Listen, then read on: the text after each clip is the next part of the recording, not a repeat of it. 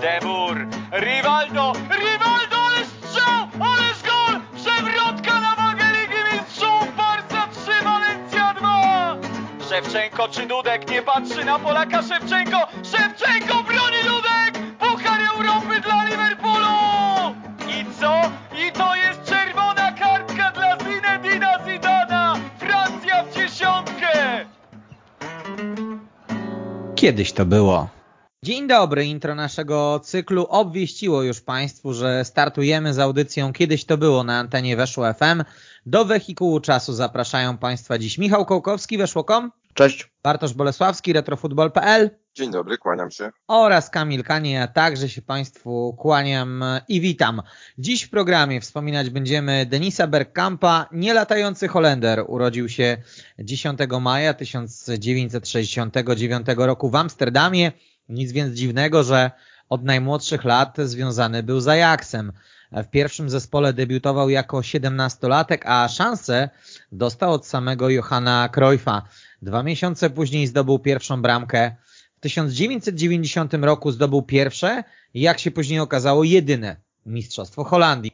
Tak, ta pasja e, piłkarska Denisa Bergkampa została wyniesiona, można powiedzieć, z domu rodzinnego, ponieważ jego ojciec również grywał sobie trochę na poziomie amatorskim, no i był e, zapalonym widzem futbolu. Zresztą nazwał swojego syna od swojego imieniem swojego ulubionego piłkarza Manchester United, czyli Denisa Lowa.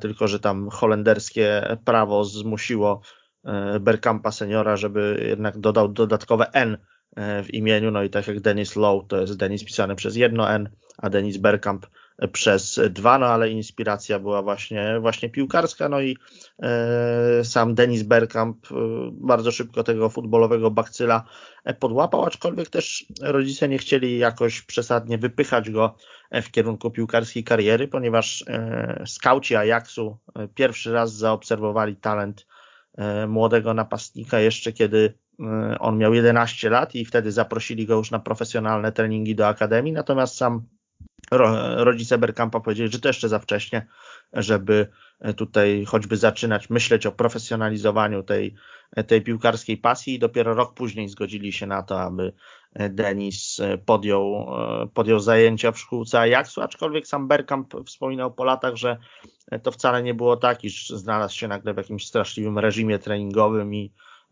i ten futbol z zabawy zamienił się w katorżnicze w katorżnicze treningi, czy jakieś zajęcia w niezwykle e, surowych regułach taktycznych, ponieważ e, wówczas w Ajaxie no, stawiano przede wszystkim na rozwój techniki użytkowej poprzez e, gierki, minigierki, wszelkie, wszelkiego rodzaju zabawy piłką, no i w ten sposób właśnie kształtowała się, kształtowały się umiejętności Bergkampa, które później podziwiał cały świat. Faktycznie debiutował u Johanna Cruyffa, co jest pewnie w jakimś stopniu symboliczne, ponieważ jedna, e, jeden wielki gigant holenderskiego futbolu e, wprowadzał do zespołu drugiego e, giganta.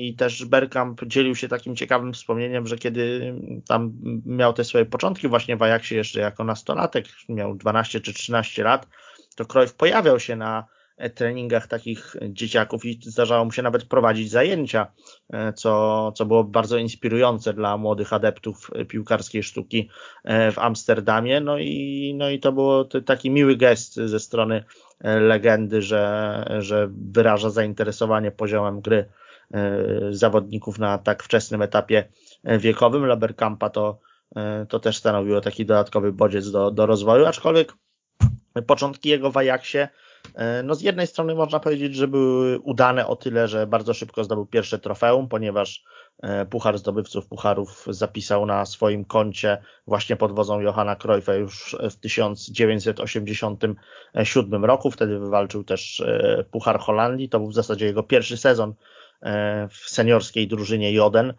więc, więc można powiedzieć, że, że zaczął od, od, od triumfów, ale był tylko rezerwowym, bo to był jeszcze Ajax wielkiego Marco van Bastena, to był też Ajax Johna Bosmana i dla Bergkampa na szpicy tam było niewiele, niewiele miejsca. Cruyff nie widział go ani w bocznych sektorach boiska, ani w drugiej linii. No i trochę potrwało nim, nim Denis wywalczył sobie to miejsce w pierwszym składzie drużyny z Amsterdamu. W sumie spędził w niej 7 sezonów, więc, więc całkiem długo i dopiero w latach 90. No, wyrósł na takiego super strzelca, zaczął zgarniać nagrody dla E, najlepszego piłkarza e, holenderskiej ekstraklasy.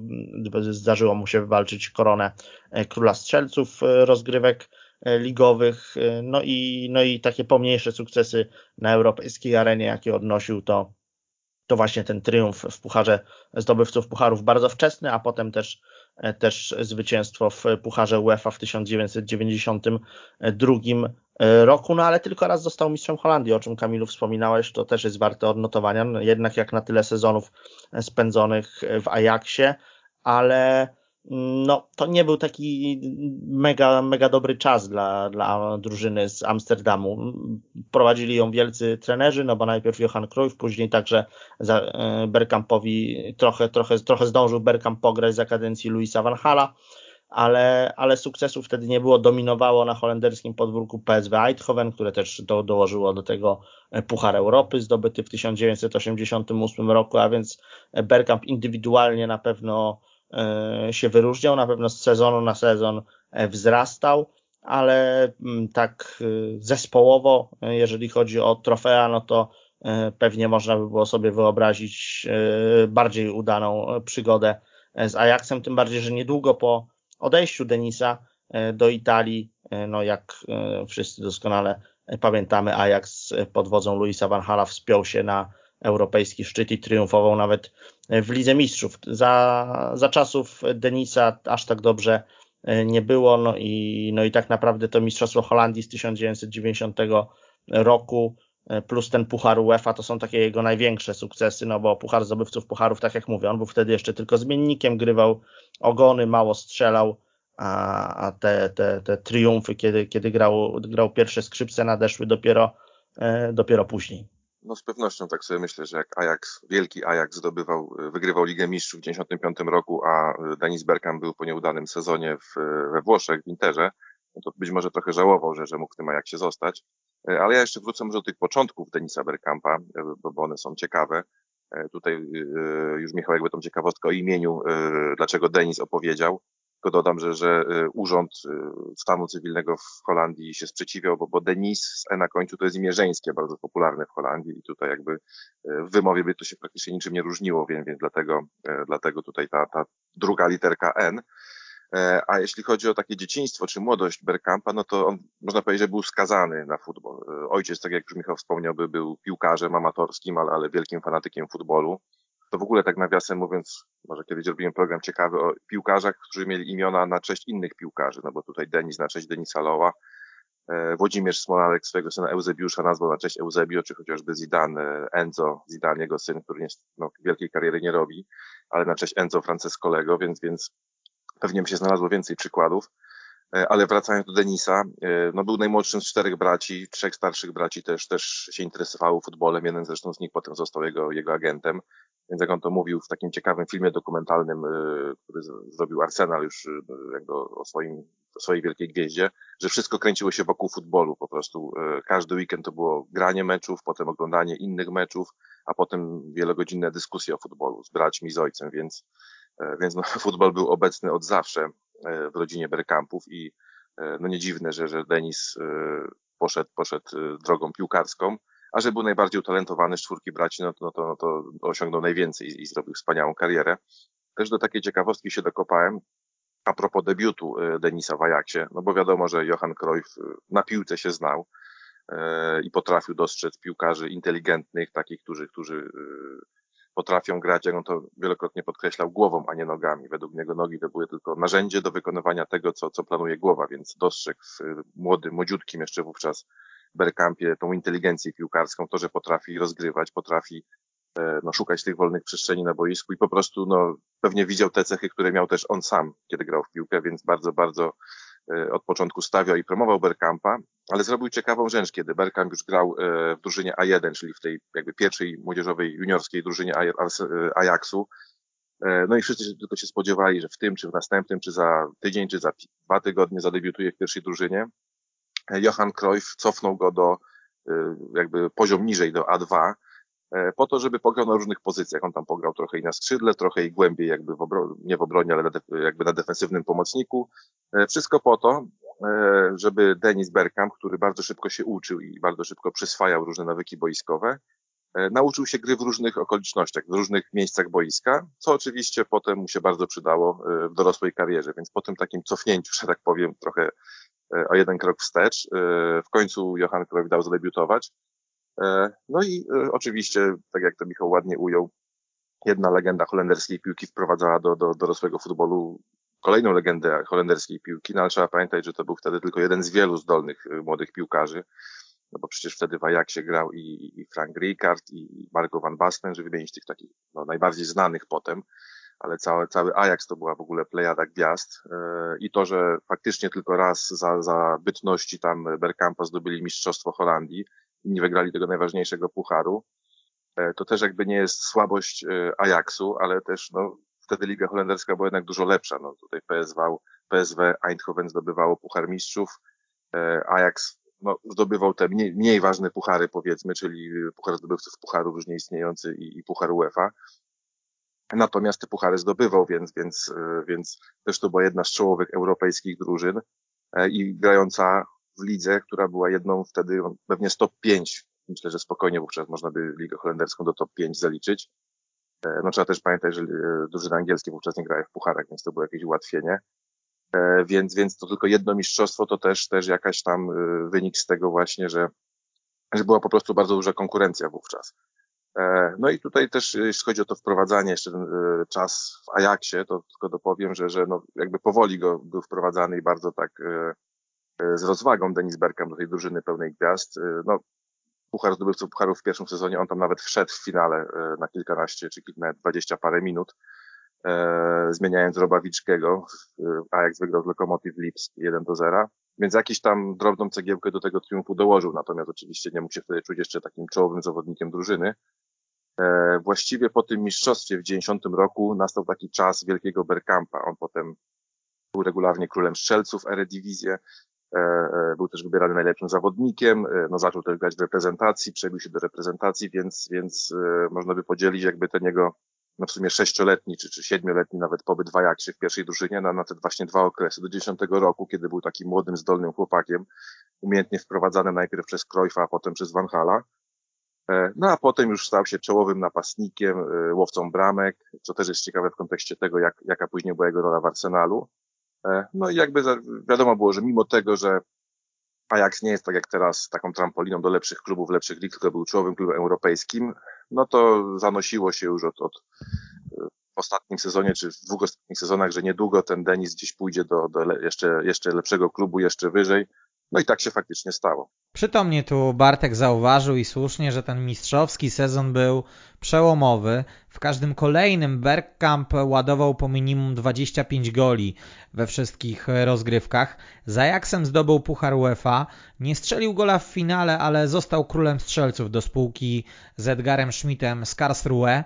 Europie był już doskonale znany. W 1992 i 1993 roku meldował się na podium plebiscytu Złotej Piłki, najpierw jako trzeci, a później jako drugi najlepszy piłkarz. No i ta popularność Bergkampa wynikała właśnie z występów przede wszystkim w reprezentacji narodowej, ale też z tych y, udanych bojów pucharowych Ajaxu, który wtedy jawił się trochę jako taka bardziej europejska drużyna niż skrojona na krajowe podwórko, gdzie notorycznie Amsterdamczycy ustępowali swoim głównym oponentom z Eindhoven. No i można powiedzieć, że Bergkamp wyrobił sobie wówczas markę takiego napastnika, no niemalże kompletnego, no bo e, on już wcześniej uchodził za e, brylantowego technika E, ze smykałką do, do asyst, do rozegrania, potrafiącego się trochę, trochę cofnąć, no ale regularność strzelecka, jaką prezentował w latach, na początku lat 90.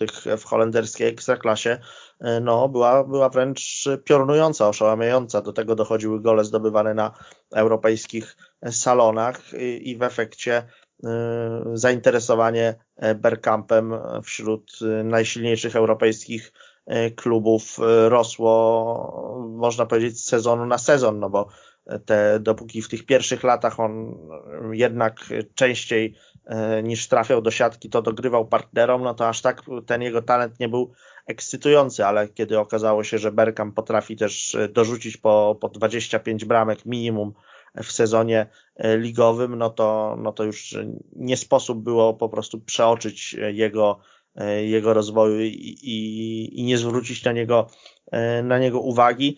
E, takim głównym kandydatem do pozyskania Bergkampa przez pewien czas wydawała się Barcelona, w której pracował nie kto inny jak wspomniany już przez nas Johan Cruyff i wprowadzał tęże Barcelonę na, na szczyt europejskiego futbolu, triumfując z nią w Pucharze Europy.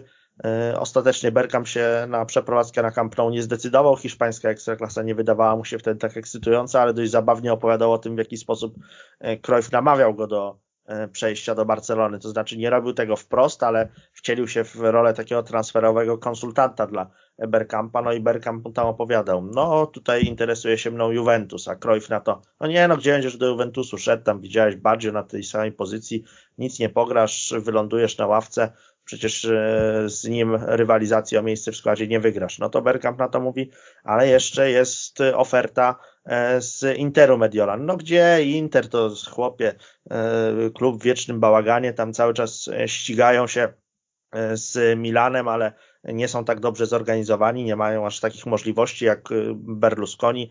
Nic tam nie wygrasz, tylko z gryzot się nabawisz. No to Bergkamp tam podawał kolejną propozycję. Powiedzmy Real Madryt też wyrażał zainteresowanie i gdzieś tam pozostawał w grze. No, Cruyff oczywiście torpedował natychmiast E, wprost nie powiedział, że Barcelona to jest najlepszy wybór, ale im dłużej tam dyskusja trwała, no to e, już, e, już w końcu doszło do tego, że Bergkamp mógłby wybierać tylko pomiędzy przeprowadzką do Barcelony albo do Wisły Płock, no bo wszystkie pozostałe możliwości transferowe zostały przez Johana Cruyffa z takich czy innych względów odrzucone.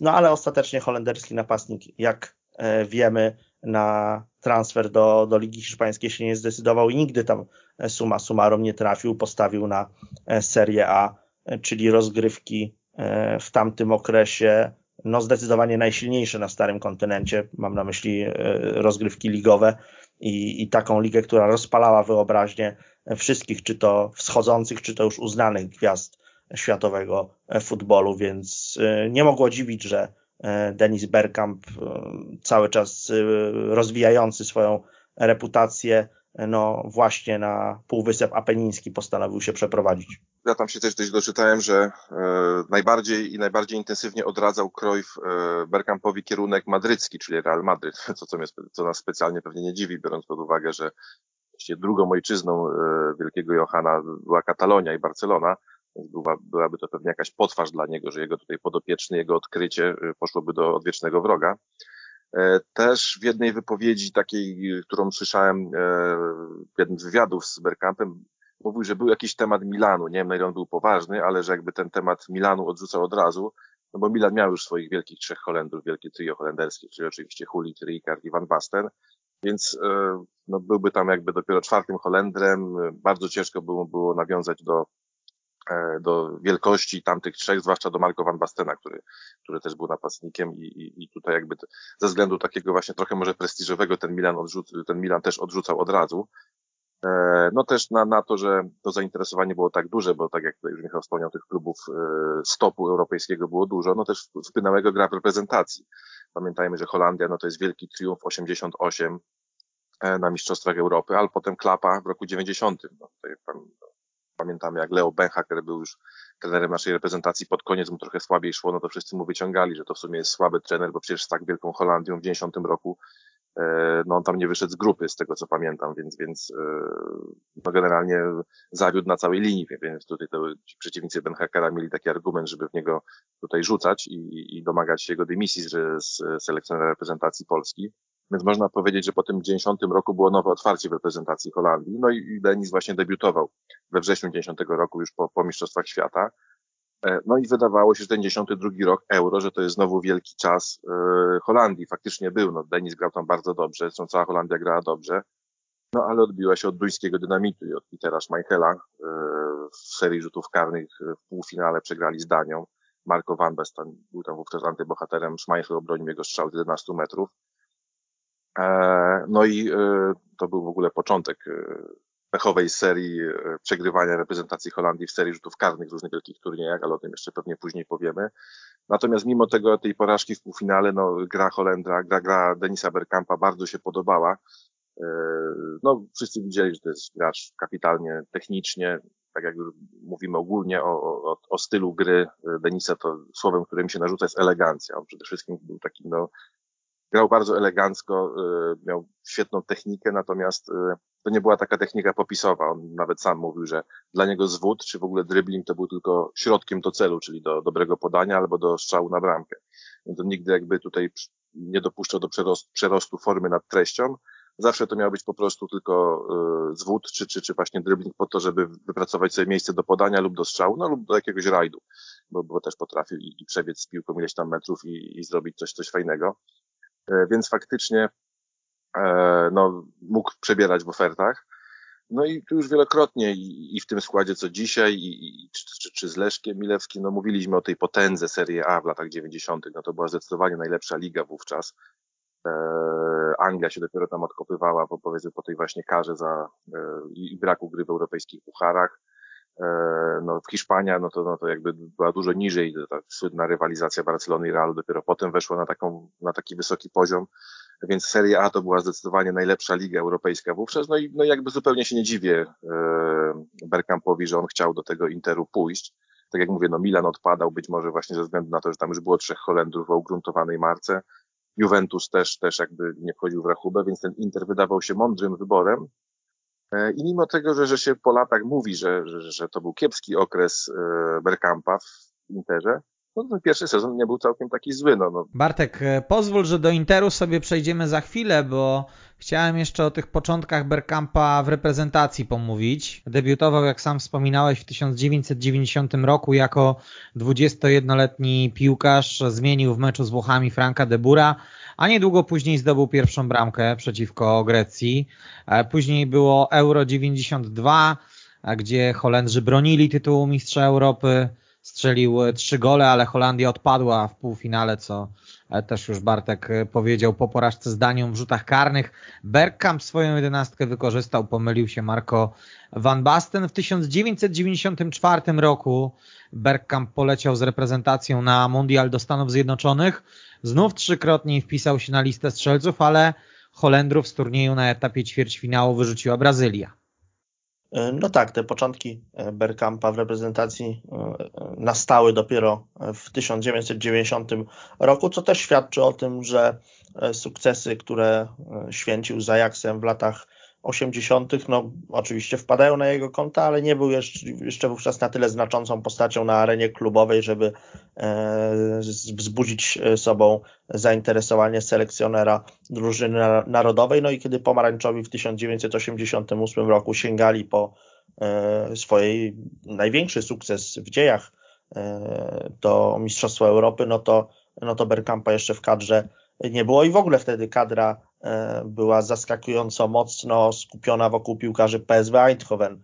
E, te proporcje na, na linii PSW Ajax były, były tak e, delikatnie może skierowane w stronę ekipy, ekipy z Eindhoven, co, co nie było takie typowe, bo jednak przez poprzednie wielkie, wielkie imprezy najczęściej układało się to tak, że ta grupa amsterdamska dominowała w kadrze i często wręcz do, dochodziło na, tej, na tym tle do konfliktów i, i gwiazdy, czy to Feyenoordu, czy, czy właśnie PSW e, demonstracyjnie rezygnowały z występów w reprezentacji kraju e, właśnie ze względu na to, że, że nie potrafiły się dogadać z gwiazdorami Ajaxu. No Bergkamp e, wkroczył do, do reprezentacji po, tak to chyba trzeba powiedzieć, po, po blamarzu, przynajmniej tak to Holendrzy odbierali na Mistrzostwach Świata w 1990 roku. Ambicje po triumfie na Euro były rozbuchane do, do granic możliwości. Tymczasem nie udało się e, nie tylko zwyciężyć, ale, ale, ale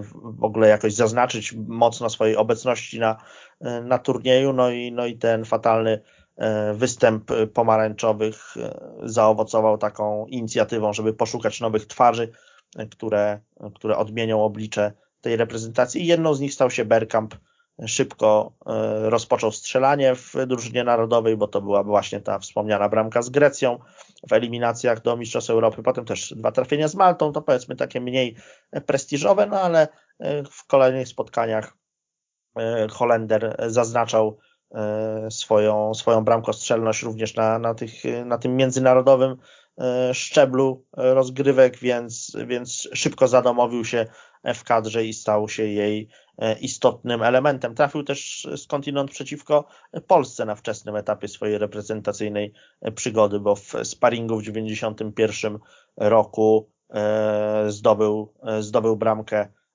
właśnie w konfrontacji z biało-czerwonymi, tam w samej końcówce, ale jeszcze zdążył odpowiedzieć Jacek Ziober, no i spotkanie zakończyło się wynikiem 1 do 1. Wtedy Bergkamp grywał najczęściej jako napastnik e, operujący gdzieś za plecami wysuniętego snajpera w tym systemie 4-3-3 klasycznym holenderskim był takim ofensywnym e, pomocnikiem, a czy też fałszywym napastnikiem, no zależy jak będziemy tę jego rolę już sobie dzisiaj e, interpretować, aczkolwiek też trudno było wtedy Holendrów tak naprawdę jakoś do jakiegoś konkretnego ustawienia przypisać, no bo na niektórych y, rozpiskach czy też taktycznych obrazkach oni y, na przykład na Euro 92 funkcjonowali w formacji y, w ogóle z trójką defensorów, a piątką pomocników, no ale mieli takich zawodników właśnie jak Bergkamp operujący między linami, jak Ruth Hulit, który w zasadzie obsadzał wszystkie pozycje na boisku, od obrońcy po, po napastnika.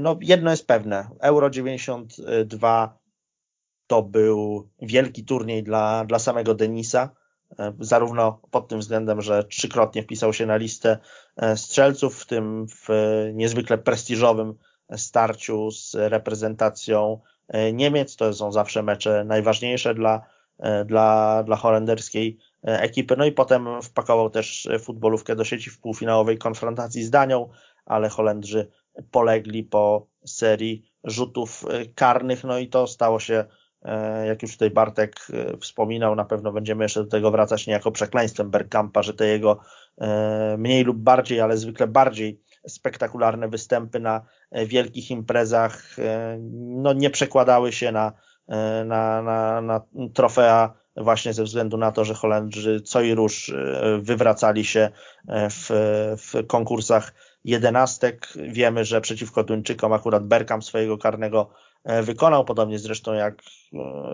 e, wszyscy pozostali Holendrzy poza wielkim Marco Van Bastenem, no i bohater e, Mistrzostw Europy z 1988 roku w półfinale Euro, cztery lata później spartolił jedenastkę i w ten sposób przekreślił szanse pomarańczowych na obronę tytułu i przekreślił też szansę Bergkampa. Wydaje mi się, że na złotą piłkę, tak, e, tak sobie myślę, bo wtedy Holendrzy, gdyby e, dotarli do finału i gdyby wygrali Mistrzostwo Europy, no to sądzę, że Bergkamp, biorąc pod uwagę to, co zaprezentował na Euro, wyrósłby na e, chyba nawet na głównego faworyta do zgarnięcia tej, tej nagrody. No, to może trochę za, za dużo powiedziane, taka trochę zbyt daleko idąca spekulacja, bo nigdy nie wiadomo, kto zostałby bohaterem finału i tak dalej, ale, ale szanse jego byłyby na pewno spore na to prestiżowe wyróżnienie, e, bo no, grał, grał w spektakularny e, grał w spektakularny sposób i, i mógłby przyćpić nawet samego Marco Van Bastena, chociaż no może jednak trochę tutaj się zagalopowałem, może jednak Marco Van Basten i tak by tę złotą piłkę e, otrzymał. Tak czy owak, wracając do meritum Euro 92, to był taki turniej, po którym już Bergkampa nie można było lekceważyć i należało go traktować e, jako taką gwiazdę europejskiego formatu pełną gębą. No ja jeszcze już tutaj dużo powiedzieliśmy o tym Euro 92, ale podsumuję to jeszcze e, takim zdaniem, że to była pewna swoista zmiana warty w holenderskim futbolu, bo tenże wielki Van Basten, no poza tym, że nie strzelił karnego, no, no to się zdarza każdemu i Bergkampowi też się zdarzyło w jednym ważnym meczu, o czym powiemy później, akurat w Arsenalu, no ale Marco van Basten za chwilę zaczął mieć naprawdę duże problemy z kostką i tak właściwie już, już jego kariera się kończyła wtedy, mimo że był jeszcze młodym zawodnikiem, ale to był ostatni wielki turniej Van Bastena. E, I też jakby po, po tym turnieju e, zakończył pracę z kadrą i w ogóle pracę wielki Rinus Michels, czyli uważany przez wielu za twórcę futbolu totalnego. Czyli pewien taki etap w historii holenderskiej piłki nożnej się zamknął w tym 92 roku. Ale trzeba podsumować, że to był mimo wszystko no, udany turniej. No, no, jakby, no, jak to się mówi, no, karne to loteria. Niektórzy twierdzą, że to loteria, niektórzy to jednak konkurs na umiejętności, ale to faktycznie jest zawsze pech, że się, że się te karne przegrywa, ale to był dobry turniej w wykonaniu Holandii. E, no, w finale wygrali z Niemcami, więc znowu mieliśmy powrót do tej wielkiej rywalizacji holendersko-niemieckiej. E, ale można było być e, optymistą po tym turnieju. Kadrę przejął wówczas jeszcze młody trener, ambitny Dick Advokat E, zadaniem jego było wprowadzić oczywiście drużynę na, na Mistrzostwa Świata w 1994 roku w USA. E, w grupie grali z Polską, e, pamiętamy, że erze Andrzeja Strejlała jako selekcjonera pamiętamy. Był ten pierwszy mecz w Holandii, sensacyjnie zremisowany 2 do 2, gdzie prowadziliśmy 2 do 0, no ale tam trochę nam pomógł bramkarz holenderski. Natomiast rewanż w Poznaniu no to już wtedy my nie mieliśmy szans i Holandia jakby pokazała różnicę klas, wygrana 3 do 1 i dwa gole Bergkampa, więc, więc tutaj widzimy już, że wtedy był e, czołowym napastnikiem e, no, jednej z reprezentacji e, ze światowej czołówki. I naprawdę ta Holandia jadąc na turniej do USA, no, była też jednym z faworytów. Natomiast no, odbiła się tam od Brazylii, późniejszego mistrza świata, akurat Brazylii, która chyba najsłabszej Brazylii reprezentacji brazylijskich, które zdobywały tytuły mistrza świata. E, no ale, ale po prostu e, Holandia już tam zagrała gorszy turniej. E, w jednym, to był ćwierćfinał w jednej ósmej, pokonała Irlandię, jedną z rewelacji, jedną z najlepszych Irlandii wówczas, ale Bergkamp też strzelił bramkę wówczas. Natomiast cały ten turniej był taki trochę nieprzekonujący, mimo tego, że Bergkamp grał dobrze. E, no i wtedy też zaczęły się jego wielkie problemy z lataniem. Nie wiem, czy teraz chcemy opowiedzieć o tym właśnie, jak e, o nielatającym Holendrze, czy, czy się skupiamy na turnieju jeszcze. Znaczy, tu mamy Bartek ciekawą sytuację, bo są też źródła, które mówią, że problemy e, Denisa z lataniem pojawiły się, kiedy on był piłkarzem Interu, kiedy latał małymi samolotami na mecze Serie A. No ale myślę, że to jest dobry moment, byśmy porozmawiali o tym największym kłopocie w karierze Denisa Bergkampa. Tak, znaczy no, jest to słynna legenda o latającym Holendrze, czyli tym statku widmo z XVII wieku, więc, więc tutaj jakby oczywiście było kiedy, oczywistym było, że kiedyś e, Bergkamp oficjalnie powiedział o swojej fobii, się awiofobia chyba nazywa, tak, o, o tym lęku przed lataniem samolotami, że z, dostał ksywkę nielatającego Holendra, non-flying Dutchman, I też e, z tego, co czytałem e, o Bergkampie, oczywiście to nie było tak, że jakieś jedno wydarzenie sprawiło, że on nagle się przestraszył latania samolotami. To było coś, co zawsze budziło w nim stres i lęk. Oczywiście te, te jakby samoloty czarterowe, czy te malutkie samoloty, którymi latali właśnie w lidze włoskiej na mecze, no, on się po prostu miał to pewnie jakąś, jakiś objaw klaustrofobii, że, że, że po prostu był, musiał wejść do jakiejś skrzynki i potem lecieć i w każdej chwili mogło to spaść. E, natomiast faktycznie takim momentem przełomowym było to latanie do Ameryki na, na, na finały Mistrzostw Świata, gdzie e, no był ten podczas drogi powrotnej głupi żart jednego dziennikarza holenderskiego, który stwierdził, że no na pogładzie jest bomba, tak sobie zażartował, no ale jak już takie hasło padło, no to trzeba było wszystkich ewakuować, sprawdzić, więc było dużo stresu, opóźnienia. Jeszcze tam podczas lotu, już nie pamiętam, czy do Stanów Zjednoczonych, czy z powrotem, E, samolot wpadał kilka razy w turbulencję. Oczywiście nic się nie stało, no ale, ale jakby stres był na tyle duży, że w 1995 roku e, Bergkamp oficjalnie się przyznał, że on się bardzo boi latania samolotami i po prostu będzie tego unikał jak ognia, więc, więc to e, było spore ograniczenie. Taka ciekawostka, bo potem w Arsenalu grał z Polem Mersonem, słynnym Polem Mersonem, nie tylko z gry, ale z tego, co robił poza boiskiem. I Paul Merson też przyznał się, że, że rozumiał Bergkampa, ponieważ on też bał się latać samolotami dla niego było to wytłumaczeniem, żeby pić, bo po prostu mówił, że jak wchodził narąbany na pokład samolotu, to się nie bał. Więc tutaj taka anegdotka, jak to w przypadku Paula Mersona zawsze jest zabawnie. E, natomiast faktycznie był to duży problem dla, dla Denisa Bergkampa. Tutaj dlatego właśnie może zacząłem więcej mówić o tej jego awiofobii, e, no bo ten turniej Holandii w USA to, to jak dla mnie bez jakiejś wielkiej historii. No, no, zrobili absolutny plan minimum, żeby wyjść z grupy, e, z Irlandią słabszą wygrali, natomiast potem, e, potem e, odpadli i z, wielkim, z dość dużym zawodem wracali do, do kraju. Natomiast te, te początki, czy tutaj jakby, czy eskalacja tej, tej, tego lęku przed lataniem w przypadku Bergkampa, no, sprawiła dużo kłopotów w późniejszej jego karierze, karierze reprezentacyjnej. Do tego pewnie jeszcze dojdziemy, no ale gdyby nie ta fobia, pewnie by w 2002 roku zagrał na turnieju E, albo inaczej. E, gdyby nie zrezygnował z reprezentacji, wiedząc, że, że turniej będzie tak daleko, to ta Holandia może by poleciała na turniej, bo, bo wiemy, że nie poleciała. Także te takie niby prywatne fobie Bergkampa, no miały być może duży wpływ na w ogóle na holenderską piłkę. No tak, jeżeli sobie spojrzymy też później na jego przygodę z Arsenalem, to wygląda to wręcz kuriozalnie, przeglądając e, galerię jego występów w Lidze Mistrzów, ponieważ no, mamy spotkania domowe, w których on rozgrywa po 90 minut i spotkania wyjazdowe, w których brakuje go e, w kadrze meczowej. Na takim najwyższym poziomie, to, to, to naprawdę aż e, niewiarygodne, że piłkarz po prostu nie był do dyspozycji trenera i to piłkarz tak kluczowy w spotkaniach Champions League, co też w jakimś tam e, powiedzmy procencie tłumaczy, dlaczego Arsenal e, no, na ogół za kadencji Arsena Wengera był znacznie silniejszy na krajowym podwórku niż na europejskiej arenie i nie uświetnił tego, tego generalnie udanego okresu w historii klubu żadnym E, żadnym międzynarodowym triumfem, choć akurat na, na, na, finały, o których sobie jeszcze powiemy, Bergkamp zazwyczaj się fatygował, ale inna sprawa, że e, jakiejś piorunującej roli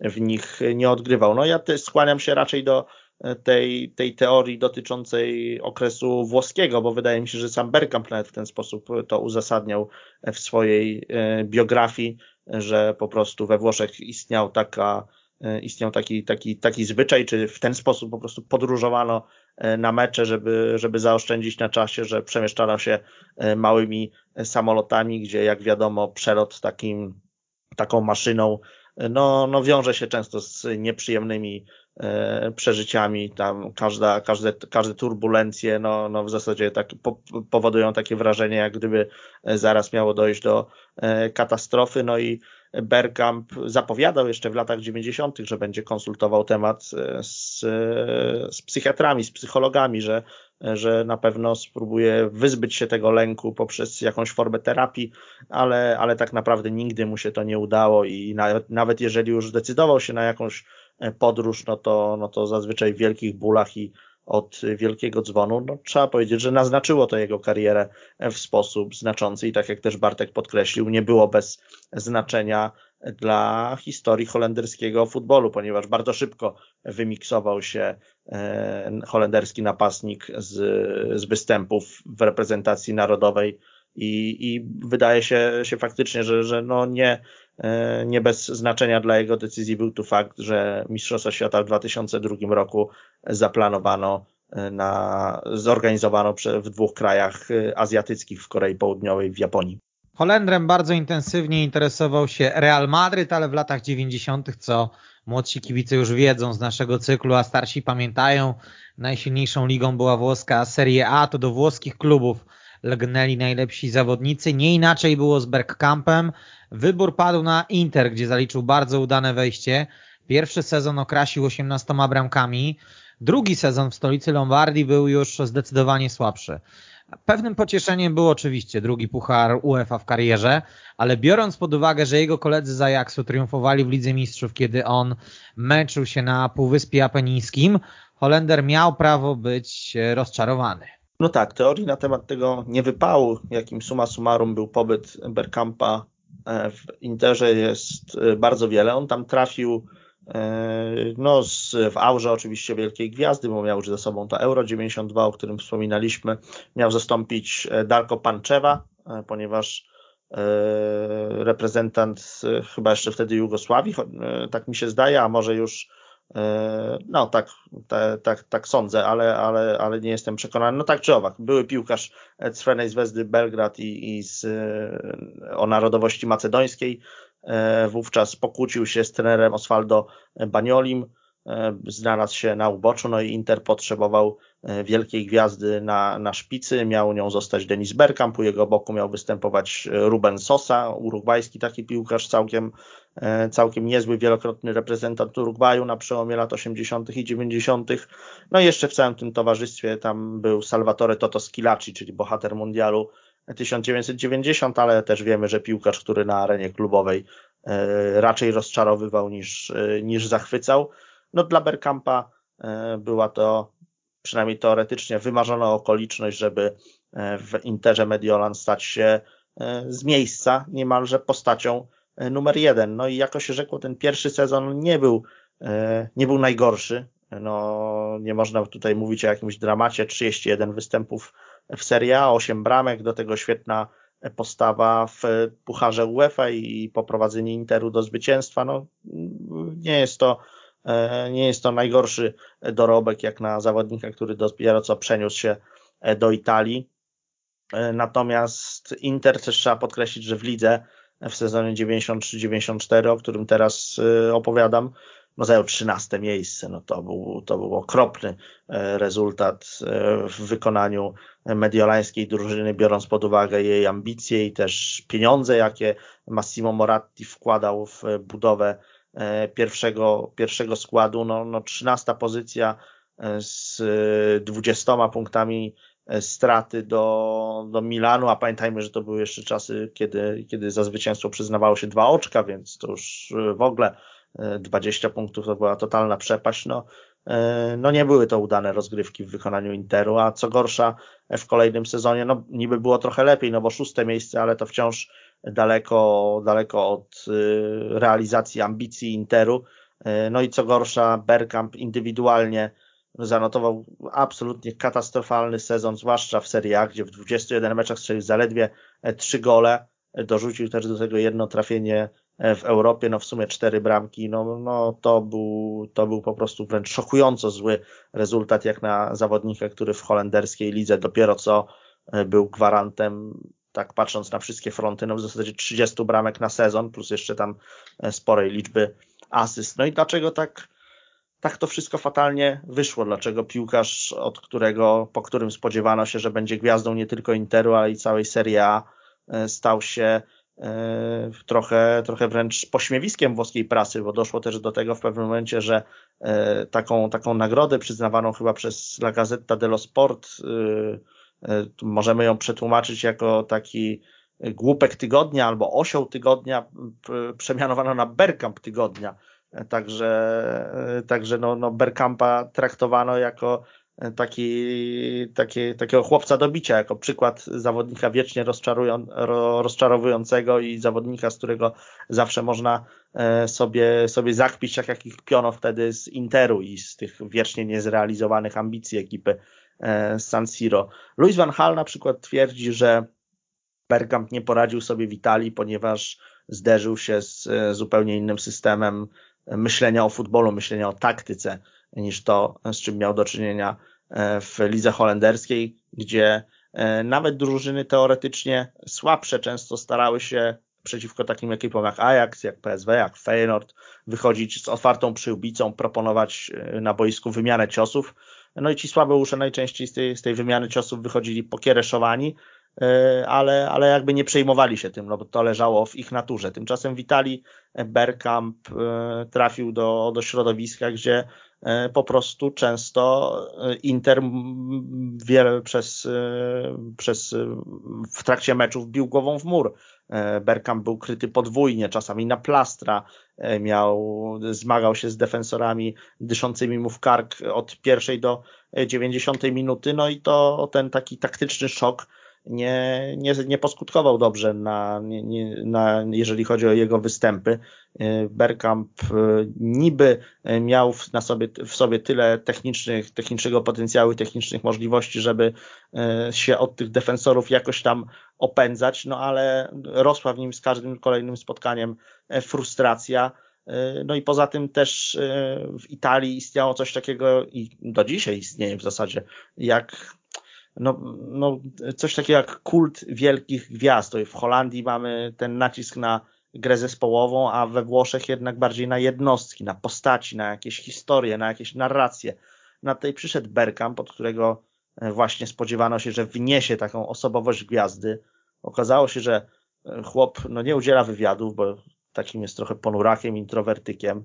E, dziennikarze się z niego śmieją, że że w Holandii przez 20 lat nie miał, nie miał dziewczyny i do pierwszą, jaką tam, do jakiej odważył się odezwać, to od razu się z nią ożenił.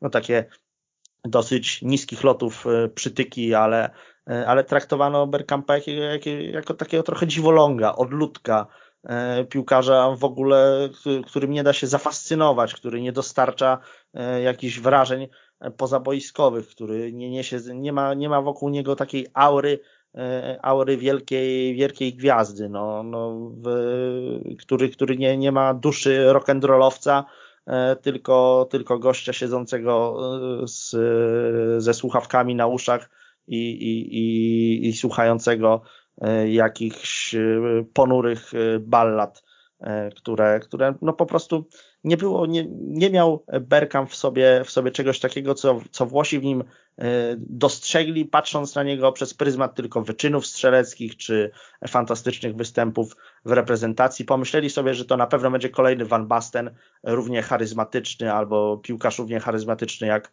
Ruth Hulit. E, tymczasem okazało się, że Bergkamp jest bardzo nietypowym człowiekiem, bardzo nietypowym zawodnikiem i może gdyby w tym Interze otoczono go opieką, może gdyby zaufano w pełni w te jego piłkarskie e, możliwości i, i, i zrobiono wszystko, żeby on się tam jak najlepiej odnalazł, żeby poczuł się jak najbardziej komfortowo, no to po jakimś czasie by to tak na, na całego kliknęło.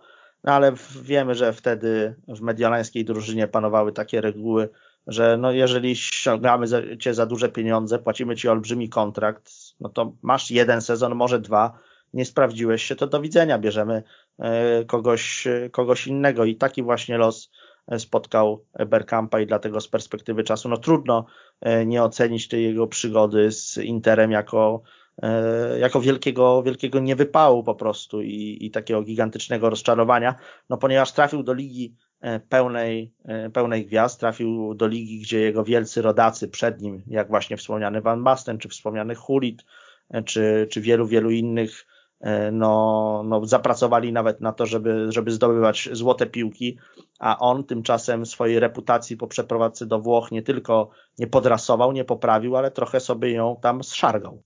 Bardzo dużo powiedział o tych przyczynach niepowodzenia e, Berkampa w Italii i w Interze Mediolan, więc ja tylko dodam może kilka rzeczy. Znaczy, oczywiście z perspektywy czasu, e, w tym takim filmie dokumentalnym, czy wywiadzie Rzece, który, który oglądałem e, z, z Denisem Bergkampem, on sam powiedział tak naprawdę, dlaczego mu nie poszło w, e, w, we Włoszech.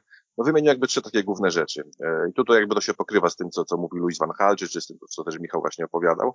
Przede wszystkim on był przyzwyczajony i tak go uczono w Holandii, że futbol ma być e, kreatywny i, i nastawiony na atak. I, tak grano w Holandii, i tak on był uczony od, od małego chłopca, i tak grał przez cały cyfrowy dwajaksie.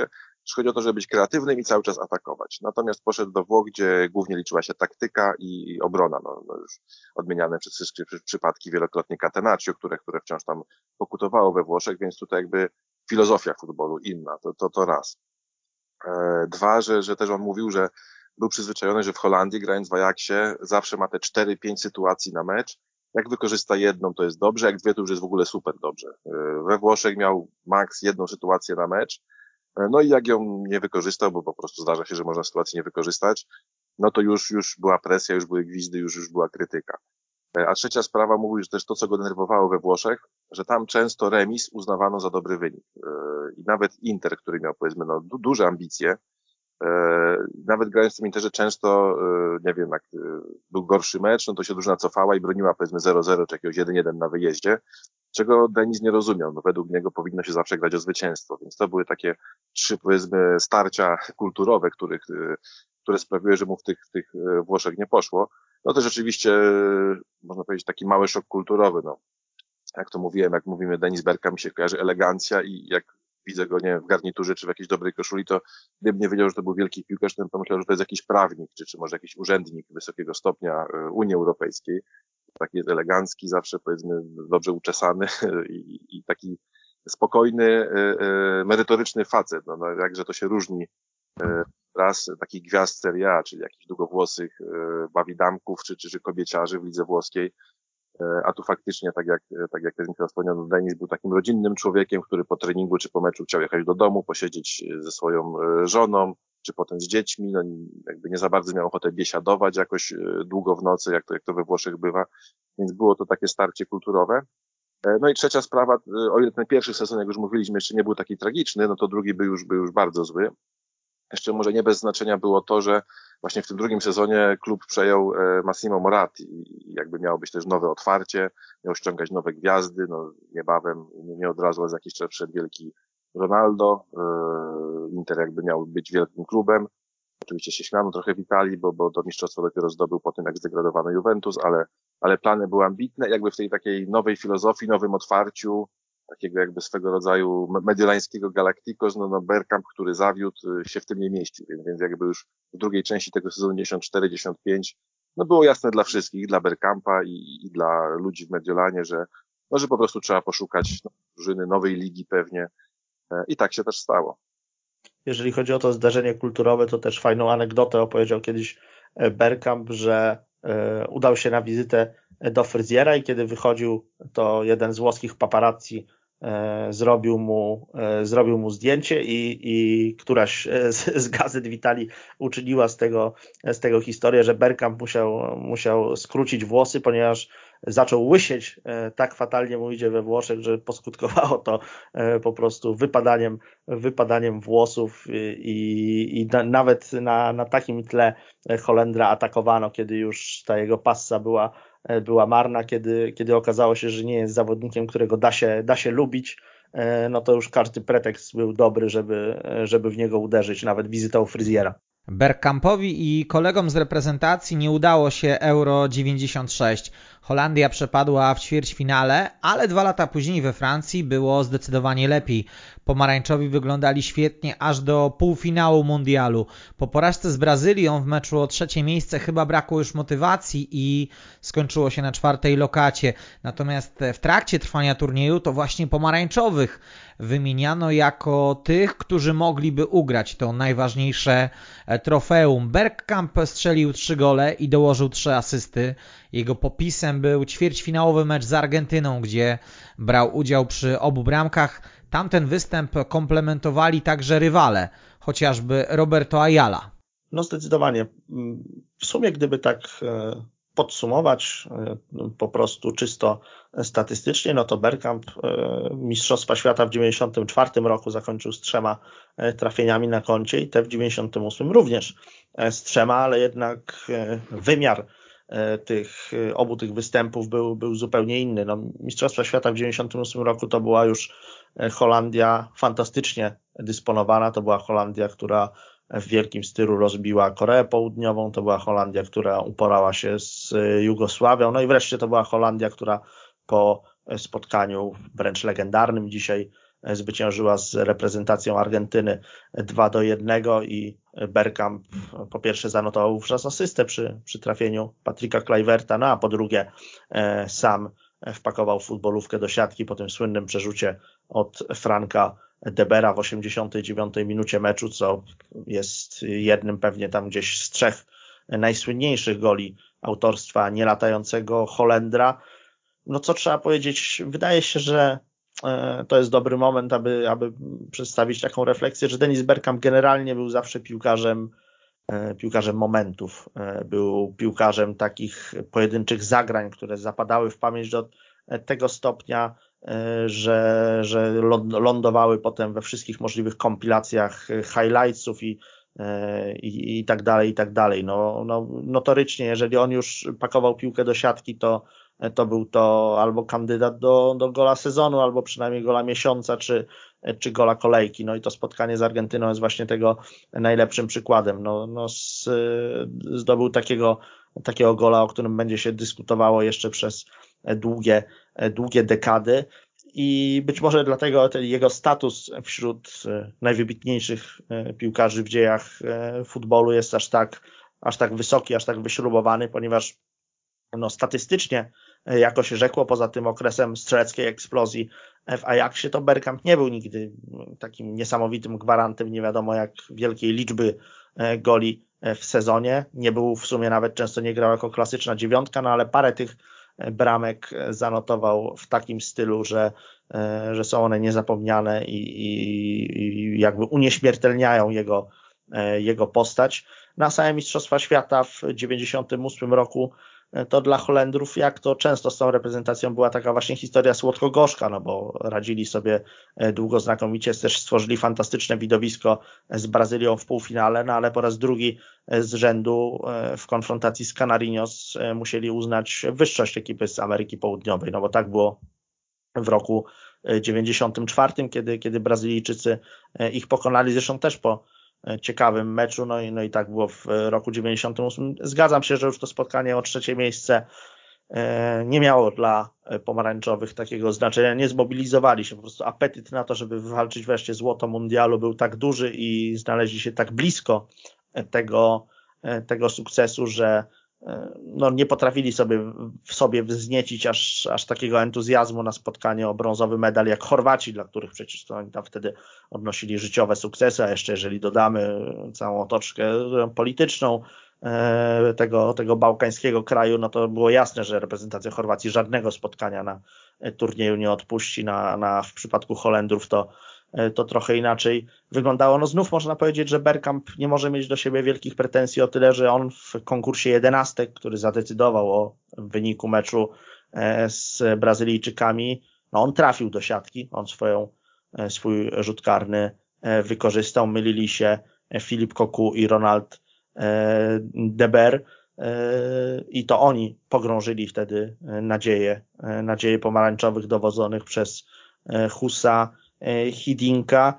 E, pewnie, e, pewnie mógł Bergkamp wciąż wierzyć, że ten jego najważniejszy moment w barwach narodowych dopiero nadejdzie, bo kolejny wielki turniej, czyli Mistrzostwa Europy miała organizować Holandia wspólnie z Belgią, ale tak suma summarum, no wydaje się, że to była naprawdę z perspektywy czasu wielka szansa dla reprezentacji Holandii na E, na triumf po prostu w e, Mistrzostwach Świata. Tym bardziej jak sobie przypomnimy jeszcze to rozstrzygnięcie finału, gdzie Francuzi rozbili e, Brazylijczyków. No wydaje mi się czysta spekulacja, no ale tak o taką się pokuszę, że no, no na pewno by trójkolorowym aż tak łatwo nie poszło w rywalizacji z reprezentacją Holandii, gdyby to pomarańczowi się do wielkiego finału dostali.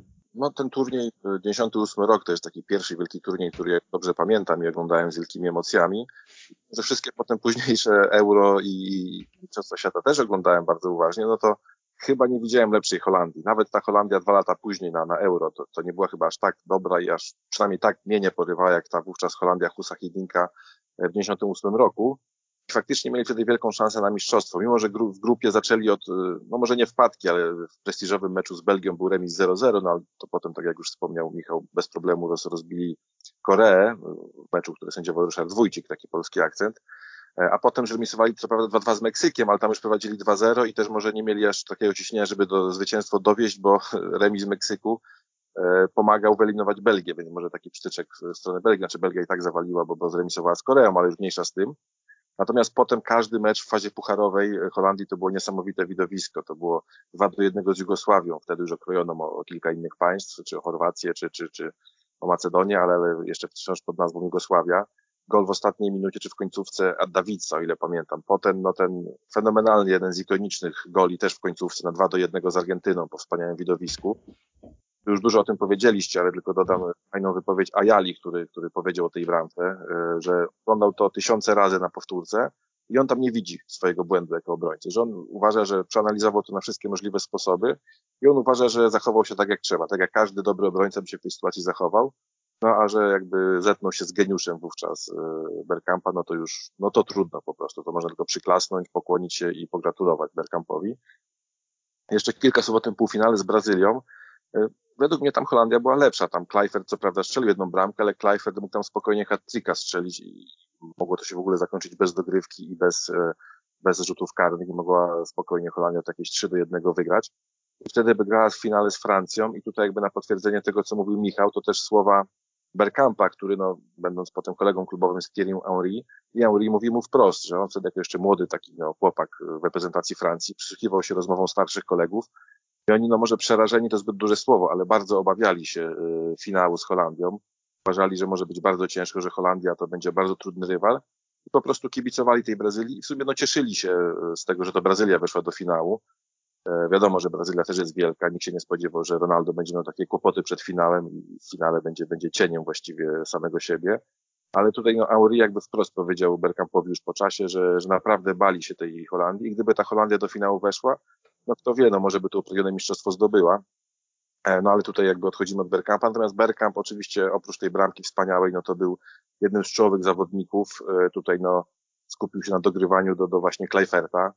Pleifert niestety by miał lepszą skuteczność, może by się to skończyło lepiej, ale według mnie, podsumowując ten turniej, jeden z najlepszych występów Holandii na wielkim turnieju, przynajmniej za mojego życia. No i kapitalna forma Bergkampa. No myślę, że to był wtedy, on miał wtedy 29 lat, więc był takim, jak to się mówi, najlepszym okresie dla piłkarza i no i szkoda, że wtedy mu się nie udało e, przypieczętować to jakimś, jakimś medalem. No ten że trzecie miejsce to oczywiście e, już nie było motywacji.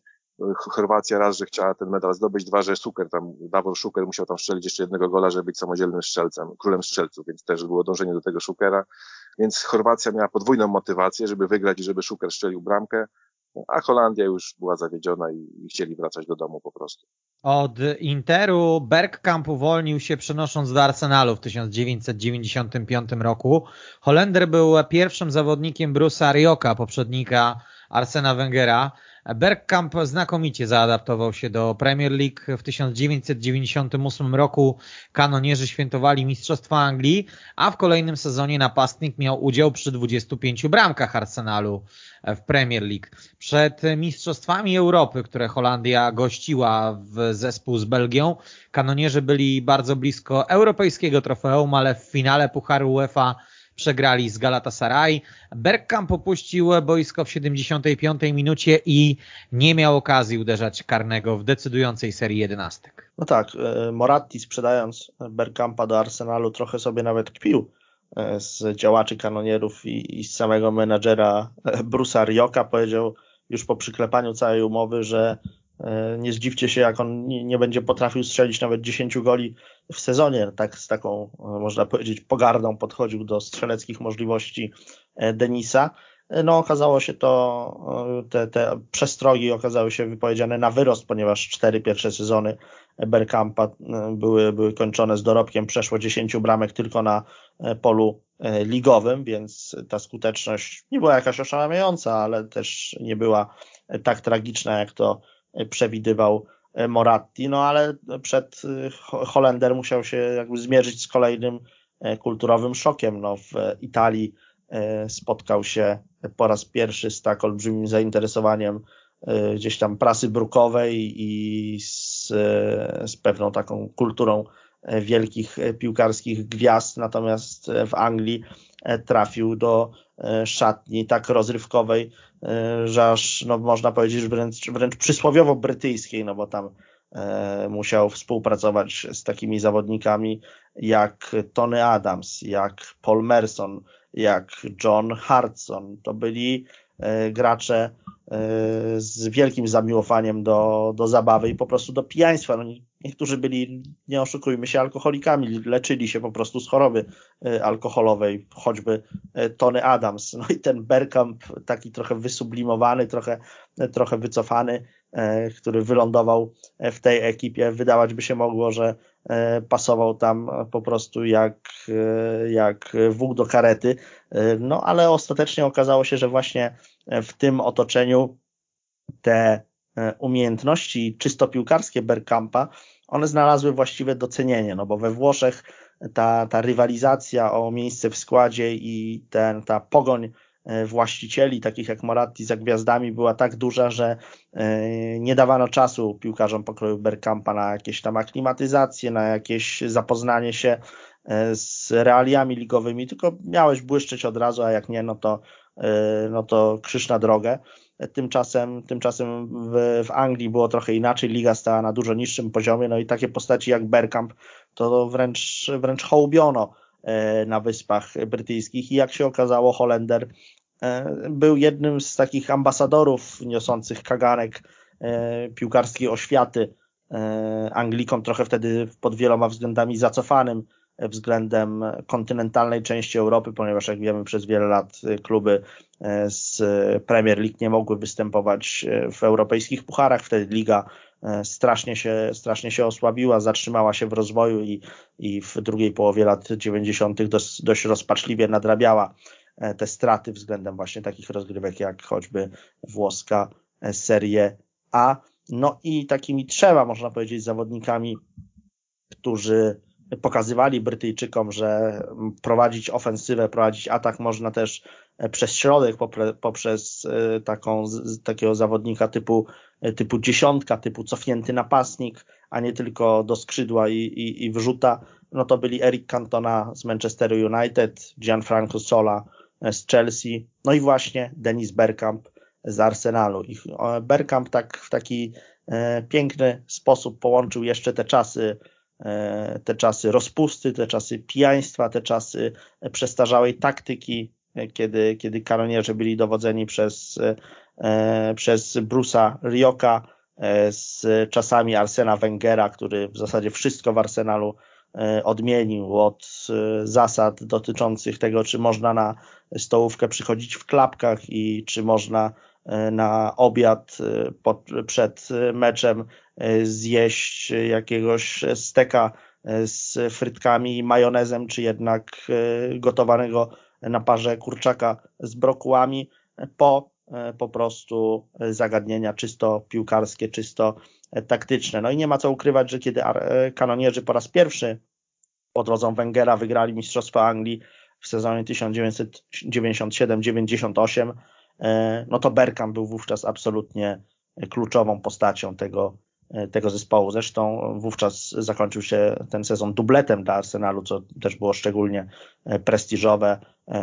Bergkampa wybrano najlepszym piłkarzem rozgrywek, strzelał mnóstwo, asystował jeszcze więcej. No, no był postacią E, postacią numer jeden wtedy nie tylko Arsenalu, ale i całej Premier League. To w ogóle był też setny sezon w historii Arsenalu, więc już w ogóle cała historia e, nabrała niesamowitego wymiaru i tak naprawdę już od tego momentu, czyli już od 98 roku w zasadzie można by było mówić o Bergkampie jako o żywej legendzie Arsenalu, no ale on potem jeszcze spędził e, na Highbury wiele, wiele wiele lat i, i wiele sukcesów jeszcze z tym klubem wywalczył.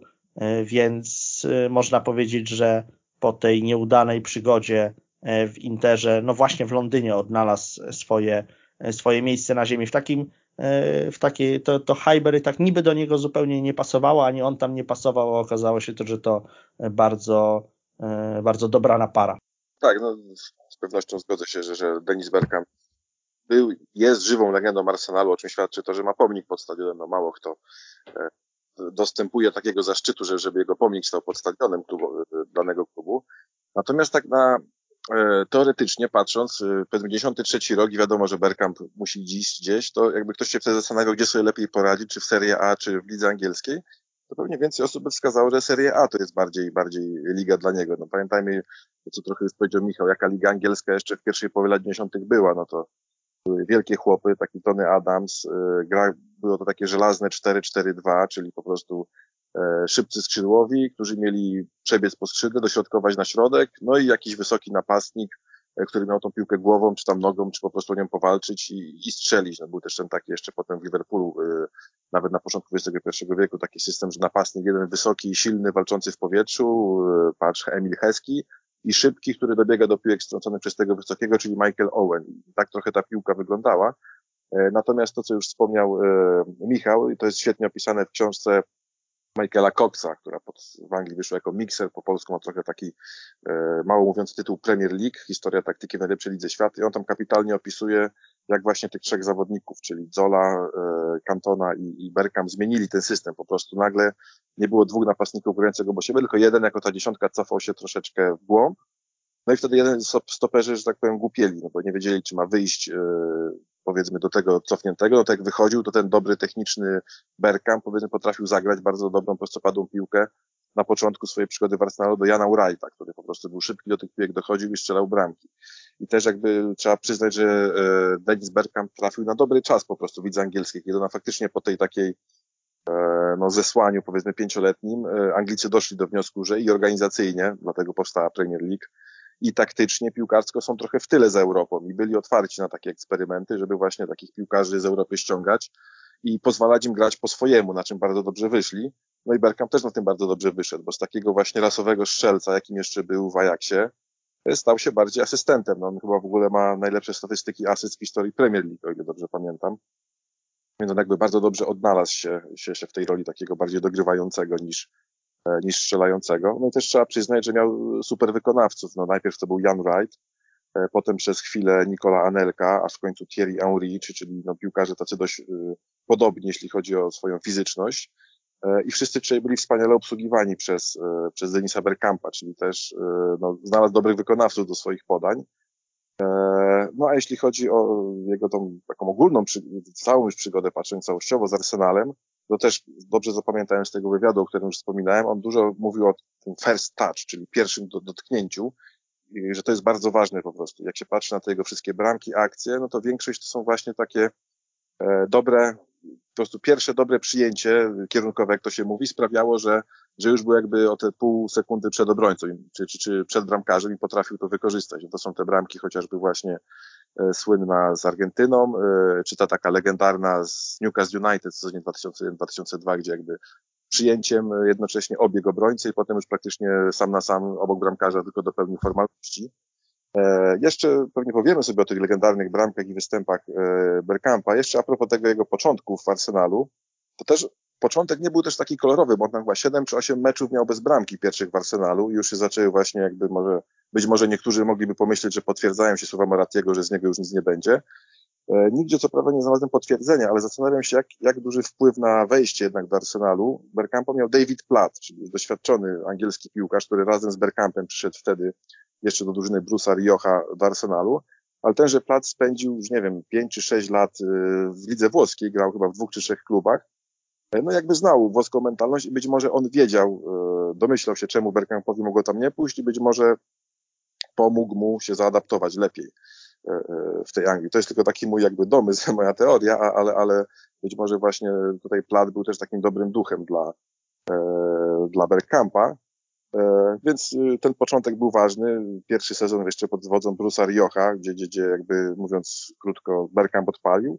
No a potem jakby z Arsenem Wengerem i, i z tym jego jakby podejściem już nowoczesnym, profesjonal, profesjonalizmem na boisku i poza nim, czyli dieta, dobre prowadzenie się, koniec z tym tak zwanym drinking club, czyli piciem na umór w, we wtorki, bo w środy było wolne. E, no, Bergkamp się w tym wspaniale odnalazł, no i spędził kapitalne 11 lat w sumie w Arsenalu, no stając się żywą legendą, tak jak już tutaj mówiliśmy. Pomarańczowi do Euro 2000 przystępowali jako faworyci, a ich grupowe występy przekonywały tych wątpiących. Holandia grała fenomenalnie, w ćwierćfinale rozbiła jeszcze Jugosławię i mało kto wierzył, że Włosi będą w stanie zatrzymać e, drużynę Franka Rijkaarda. Rola Bergkampa była inna niż w poprzednich latach. Nie był odpowiedzialny za zdobywanie bramek, natomiast trzykrotnie asystował kolegom. Półfinałowej batalii strzedł w 86 minucie, a kilkadziesiąt minut później Okazało się, że Holandia odpadła. W wieku 31 lat Bergkamp ogłosił zakończenie reprezentacyjnej kariery. Jak już powiedzieliśmy, wpływ na to miał wybór Korei Południowej i Japonii na gospodarzy nadchodzącego mundialu. Licznik Denisa w reprezentacji zatrzymał się na 79 występach z 37 golami. No tak, ten półfinał z Włochami, którym już zresztą przy różnych okazjach omawialiśmy, to taki jest mecz, e, jeden, jeden z, z tych, który po prostu niewytłumaczalnych. No, w futbolu czasem dzieją się e, takie, takie historie, których nie da się uzasadnić ani analitycznie, ani statystycznie, ani logicznie, ani w żaden inny sposób i to było jedno, jedno z tych spotkań. No Holandia była tam zdecydowanie lepsza od reprezentacji Italii, zmarnowała w trakcie e, spotkania dwa rzuty karne, potem w konkursie jedenastek zmarnowała e, jeszcze trzy kolejne. Frank Deber tutaj zwłaszcza zabłysnął w takim negatywnym wymiarze, ponieważ i w trakcie meczu spartolił e, jedenastkę i, i potem w trakcie konkursu. E, no i, no i zabrakło Holendrów w finale, mimo że do starcia z Włochami przystępowali tuż po absolutnie oszałamiającej konfrontacji z Jugosławią, którą w ćwierćfinale turnieju rozbili 6 do 1. Tam Bergkamp zanotował e, chyba dwie e, asysty, na pewno przy, przy pierwszej bramce Kluiverta i chyba jeszcze, jeszcze później jedno, jedno takie otwierające podanie również miał na swoim koncie. No sam Kluivert wtedy zdobył hat bo to on był tą, e, tą, tą dziewiątką e, odpowiedzialną za zdobywanie bramek, za, za świetną grę w powietrzu i tak dalej, a Bergkamp sobie gdzieś tam operował trochę, trochę głębiej, czy to posyłał otwierające podania, czy to e, szukał dograń na, e, na skrzydła. No świetnie się prezentowała ta drużyna dowodzona przez e, Franka Rijkaarda i tak jak mówię, naprawdę trudno, trudno jakoś uzasadnić fakt, że nie udało się ani razu pokonać e, bramkarza reprezentacji Włoch. No prawda, że Francesco Toldo rozegrał pewnie najlepsze spotkanie w całej swojej karierze, a na pewno najbardziej pamiętne, ale, ale naprawdę no, no nie ma takiego, e, takiego, takiego bramkarza, który, który mógłby wyciągnąć wszystko. Wystarczyło chociaż odrobinę podkręcić ten, ten poziom skuteczności i, i, i Holandia awansowałaby wtedy do finału, w którym byłaby również faworytem konfrontacji z Francją. Chociaż jak czytałem wywiady z samym Bergkampem, to on jednak wskazuje Mistrzostwa Świata w 98 roku jako ten turniej, którego jest mu, mu najbardziej żal i jako ten turniej, kiedy no, były największe szanse na zwycięstwo i kiedy reprezentacja Holandii była najsilniejsza. On podkreślał, że w 1992 roku E, tym zawodnikom, którzy mieli już na koncie jedno Mistrzostwo Europy, brakowało głodu, brakowało takiej e, stuprocentowej rządzy triumfu. Trochę to były takie tłuste koty. W 1994 roku zrzymał się, że Holandia, e, no fakt, fakt, że nie była drużyną szytą na miarę triumfu na mundialu, ale Brazylię to powinna pokonać, bo akurat od Brazylii była lepsza. Ta Euro 96 Bergkamp traktuje jako turniej zupełnie nieudany z uwagi na wewnętrzne konflikty w zespole. 98 e, wiadomo, tutaj podkreśla, że to była najlepsza Holandia za jego e, czasów, no i e, rok 2000, 2000 oczywiście tutaj Bergkamp zgadza się z tym, że Holandia była zdecydowanie lepsza wtedy od reprezentacji Włoch. No w tamtym konkretnym spotkaniu to już, to już naprawdę. I, i to był również no, taki kolejny turniej z kategorii tych, gdzie, gdzie pomarańczowi mogli sobie po prostu pluć w brodę i suma summarum Bergkampa postrzega się jako jednego z e, najlepszych holenderskich piłkarzy e, w dziejach. Niektórzy nawet wskazują go jako najlepszego. Taką kon kontrowersję kiedyś wywołał Jan Mulder, e, inny e, wybitny piłkarz e, z kraju właśnie z Holandii, który mistrz, zdobywca Pucharu Europy, tam wielokrotny mistrz Holandii, mistrz Belgii i tak dalej. No on podczas jednej z takich dyskusji właśnie stwierdził, że, że to Bergkamp jest najlepszym piłkarzem w historii Holandii. Nie Cruyff, nie tam Van Basten i tak dalej, tylko, tylko właśnie ten, który, który niczego, który nawet do finału wielkiej imprezy z holenderską drużyną nigdy nie dotarł. Jest to, wydaje mi się, jakieś, jakieś takie wielkie rozczarowanie w karierze tego zawodnika, no bo e, suma summarum tych szans e, było sporo. Wiadomo, on dosyć szybko się zawinął. Podkreślaliśmy już ten temat e, Mistrzostw Świata w Korei i Japonii, gdzie byłaby kolejna jakaś tam możliwość odniesienia triumfu, no ale, ale jednak tak, tak cały czas Bergkamp był twarzą drużyn, które grały pięknie, które były blisko, a który, ale którym ciągle czegoś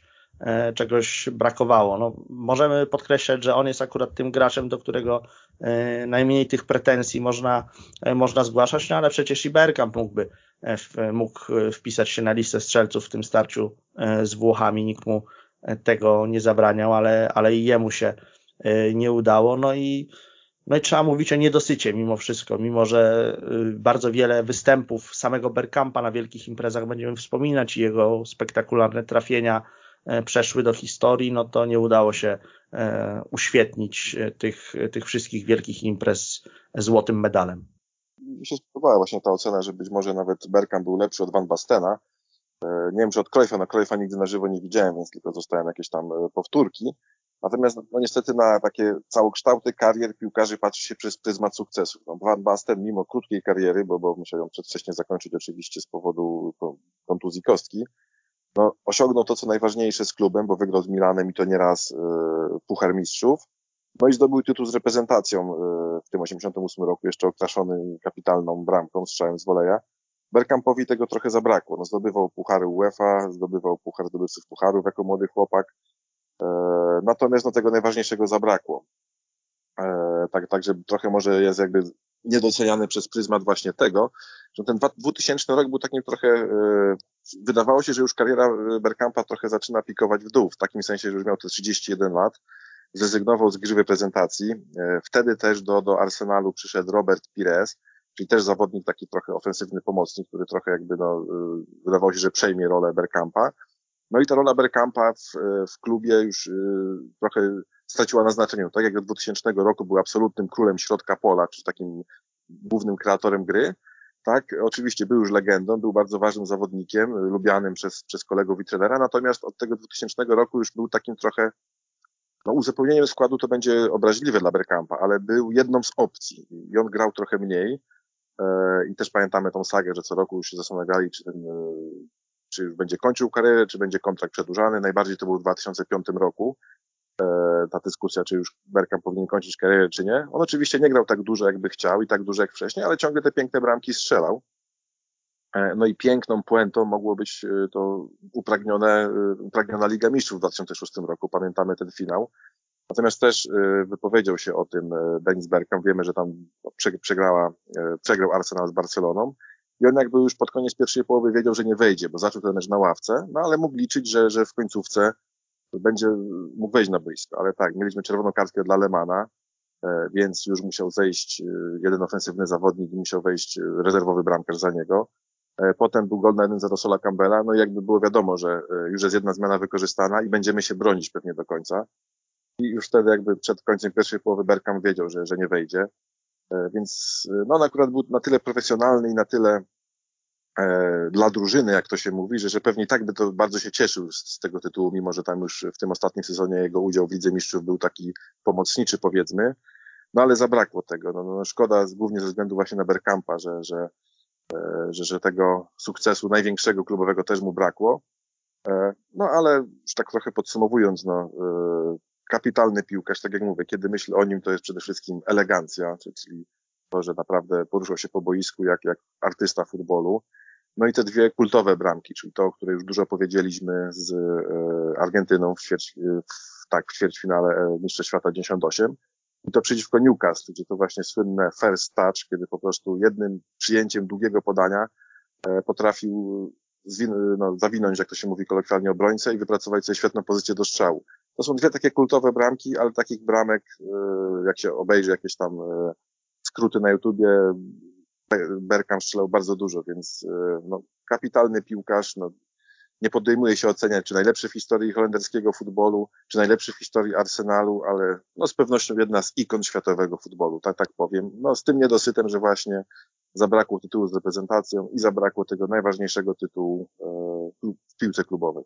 Wszystko się zgadza, ale zanim przegrał finał Ligi Mistrzów, zdążył wygrać z Arsenalem jeszcze dwa Mistrzostwa Anglii w 2002 i 2004 roku. W tym drugim był członkiem Dream Teamu kanonierów, którzy suchą stopą przebrnęli przez rozgrywki Premier League.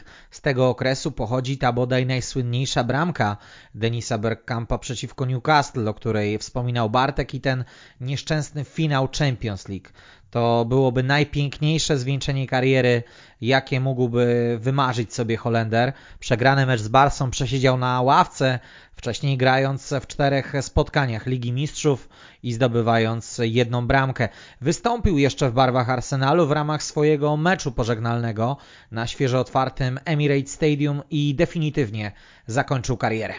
No tak, wiadomo było, że już wówczas Bergkamp będzie się żegnał nie tylko z Arsenalem, ale i w ogóle e, z futbolem, więc e, no takie zwieńczenie kariery poprzez zwycięstwo w Lidze Mistrzów stanowiłoby no i idealną tutaj wisienkę na torcie co do zasady fantastycznej przygody z piłką, jaką przeżył, przeżył Bergkamp, ale, ale nie udało się i, i też trudno tutaj jakby podkreślać jakąś, czy to, czy to winę, czy zasługę samego Berkampa w e, tamtej kampanii, ponieważ, jak już tutaj wspominał Bartek, e, jego rola nie była może całkiem marginalna, ale była już niewielka, stał się jakimś w rodzaju takiego ekskluzywnego jokera e, z ławki, pojawiał się często na ostatnie pół godziny, na ostatnie 20 minut, żeby trochę uspokoić grę w ofensywie, żeby to jedno czy drugie otwierające podanie w kierunku Thierry'ego Auriego posłać i, i w ten sposób e, umożliwić Arsenalowi zdobycie e, bramki w końcówce spotkania, aczkolwiek no, w Lidze Mistrzów jedno trafienie zanotował w, jeszcze w fazie grupowej. E, zdaje się, że z przeciwnikiem ze, ze Szwajcarii. No, nie był to najbardziej prestiżowy mecz w tamtych rozgrywek.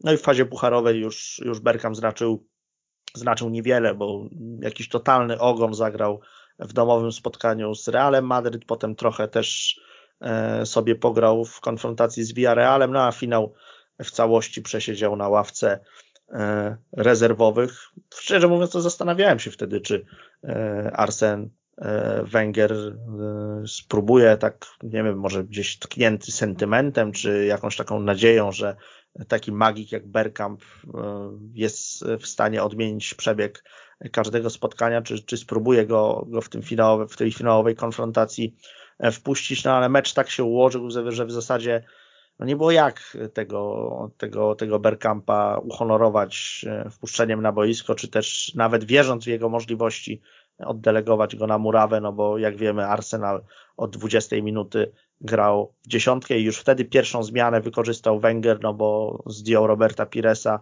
wpuścił na boisko Manuela Almunie, Potem na kwadrans przed końcem e, francuski szkoleniowiec e, zdjął ściągnął z boiska Seska Fabregasa, wpuścił Mathieu Flaminiego, żeby poprawić defensywną grę zespołu. E, no i e, akurat chwilę później e, Barcelona dwukrotnie wpisała się na listę strzelców i ta cała defensywa Arsenalu się posypała. E, no i ewentualnie wtedy no, to, to mogło być takie jakbyś ostatnie ryzyko Wengera, żeby dać Bergkampowi zagrać, ale ale jednak postąpił no chyba rozsądnie i, i po, prostu, po prostu dał szansę Jose Antonio Reyesowi, niezwykle szybkiemu zawodnikowi, żeby to on coś tam, coś tam narozrabiał w końcówce, ale na niewiele się to zdało i Arsenal, e, Arsenal w Paryżu uległ Barcelonie 1 do 2. Nie było tej pięknej mistrzowskiej e, puenty w wykonaniu Denisa Bergkampa, no on akurat y, można powiedzieć, że, e, że w, tym, w tym wymiarze jest zawodnikiem e, nie do końca e, udelektowanym swoją karierą, ponieważ na europejskiej arenie oczywiście triumfy święcił, Puchar UEFA, Puchar Zdobywców Pucharów i tak dalej, no ale Pucharu Mistrzów nie zdobył, nie zdobył Mistrzostwa Świata, nie zdobył Mistrzostwa Europy, więc jeżeli sobie tutaj te takie najcenniejsze trofea wymienimy, no to Bergkamp ich w dorobku. Nie ma jego taką największą siłą czy, czy fundamentem jego legendy. E, zawsze były tak, tak jak wspominałem, takie, takie momenty geniuszu, takie, takie techniczne przebłyski, których, e, których nie da się wyrzucić z pamięci, o których nie da się zapomnieć i, i każdy kibic na pewno co najmniej kilka asyst czy bramek Denisa Bergkampa doskonale kojarzy, bo to, bo to po prostu były, były zjawiska, które już dzisiaj uznajemy za kultowe. Jeśli chodzi o karierę Denisa Bergkampa i do tych niedosytów, o których tutaj dużo mówiliśmy, dodam tylko coś, co mnie zdziwiło, że, że e, Bergkamp już po karierze się wypowiadał, że jedyny raz, kiedy naprawdę kilka dni był totalnie załamany po meczu i dochodził do siebie, to był słynny półfinał Pucharu Anglii w sezonie 98-99. E, Arsenal tam się mierzył z Manchester United. To były te czasy wielkiej rywalizacji tych dwóch klubów takich y, konfliktów trochę, czy no, szpileczek wbijanych przez Alexa Fergusona i Arsena Wengera i piłkarzy, słynny konflikt Jakina z Patrykiem Vieirą. Ale to był już powtórzony półfinał, bo w pierwszym było 0-0 na Highbury e, i przy stanie 1-1 w końcówce meczu e, był karny dla Arsenalu, którego nie wykorzystał Denis Bergkamp. Potem w dogrywce kapitalna już kultowa bramka Ryana Giggsa po rajdzie przez pół boiska. E, no i dzięki temu Manchester wtedy świętował tą potrójną koronę słynną w sezonie 99. Natomiast tutaj wypowiadał się, że może z punktu widzenia całej kariery Bergkampa nie był to jakiś aż tak istotny mecz, no Puchar Anglii zdobywał i tak kilkukrotnie, e, ale mówił, że wtedy naprawdę przez kilka dni był totalnie załamany, czuł, że zawiódł, tak jak w reprezentacji w tych wszystkich seriach e, pechowych, rzutów karnych on akurat nie zawodził, zawodzili inni, tak tutaj czuł, że zawód kibiców Arsenalu i zwłaszcza z tym prestiżowym starciu z Manchesterem tego karnego nie strzelił. No i, i dzięki temu Manchester wszedł do finału, który wygrał. Natomiast, e, żeby spuentować tą dyskusję taką właśnie ogólnie o karierze Bergkampa, on użył kiedyś takiego bardzo fajnego, bardzo mądrego stwierdzenia, że nigdy nie doszedł do perfekcji całkowitej. Mówi, że nie ma w swojej, w swojej karierze, nigdy nie zagrał perfekcyjnego meczu, absolutnie perfekcyjnego, że były lepsze, gorsze, ale nie było takiego, w którym nic by nie, nie chciał poprawić. Natomiast jego zawsze nie interesowała droga, tylko y, nie interesował go cel, tylko droga. Czyli nie chodziło o to, żeby osiągnąć perfekcję, ale żeby do niej dążyć. Przez całą karierę dążył, czy to w reprezentacji, czy w klubach. Mówi, że pod tym względem y, no nie ma sobie nic do zarzucenia. Zawsze starał się jak najbardziej, jak najlepiej, zagrał wiele wspaniałych meczów, strzelił wiele wspaniałych bramek. A to, że no, brakuje mu tych wielkich tytułów, no to być może już tak się złożyło. No nie każdy wielki piłkarz jest mistrzem świata, czy mistrzem Europy, czy, czy wygrywa Ligę Mistrzów.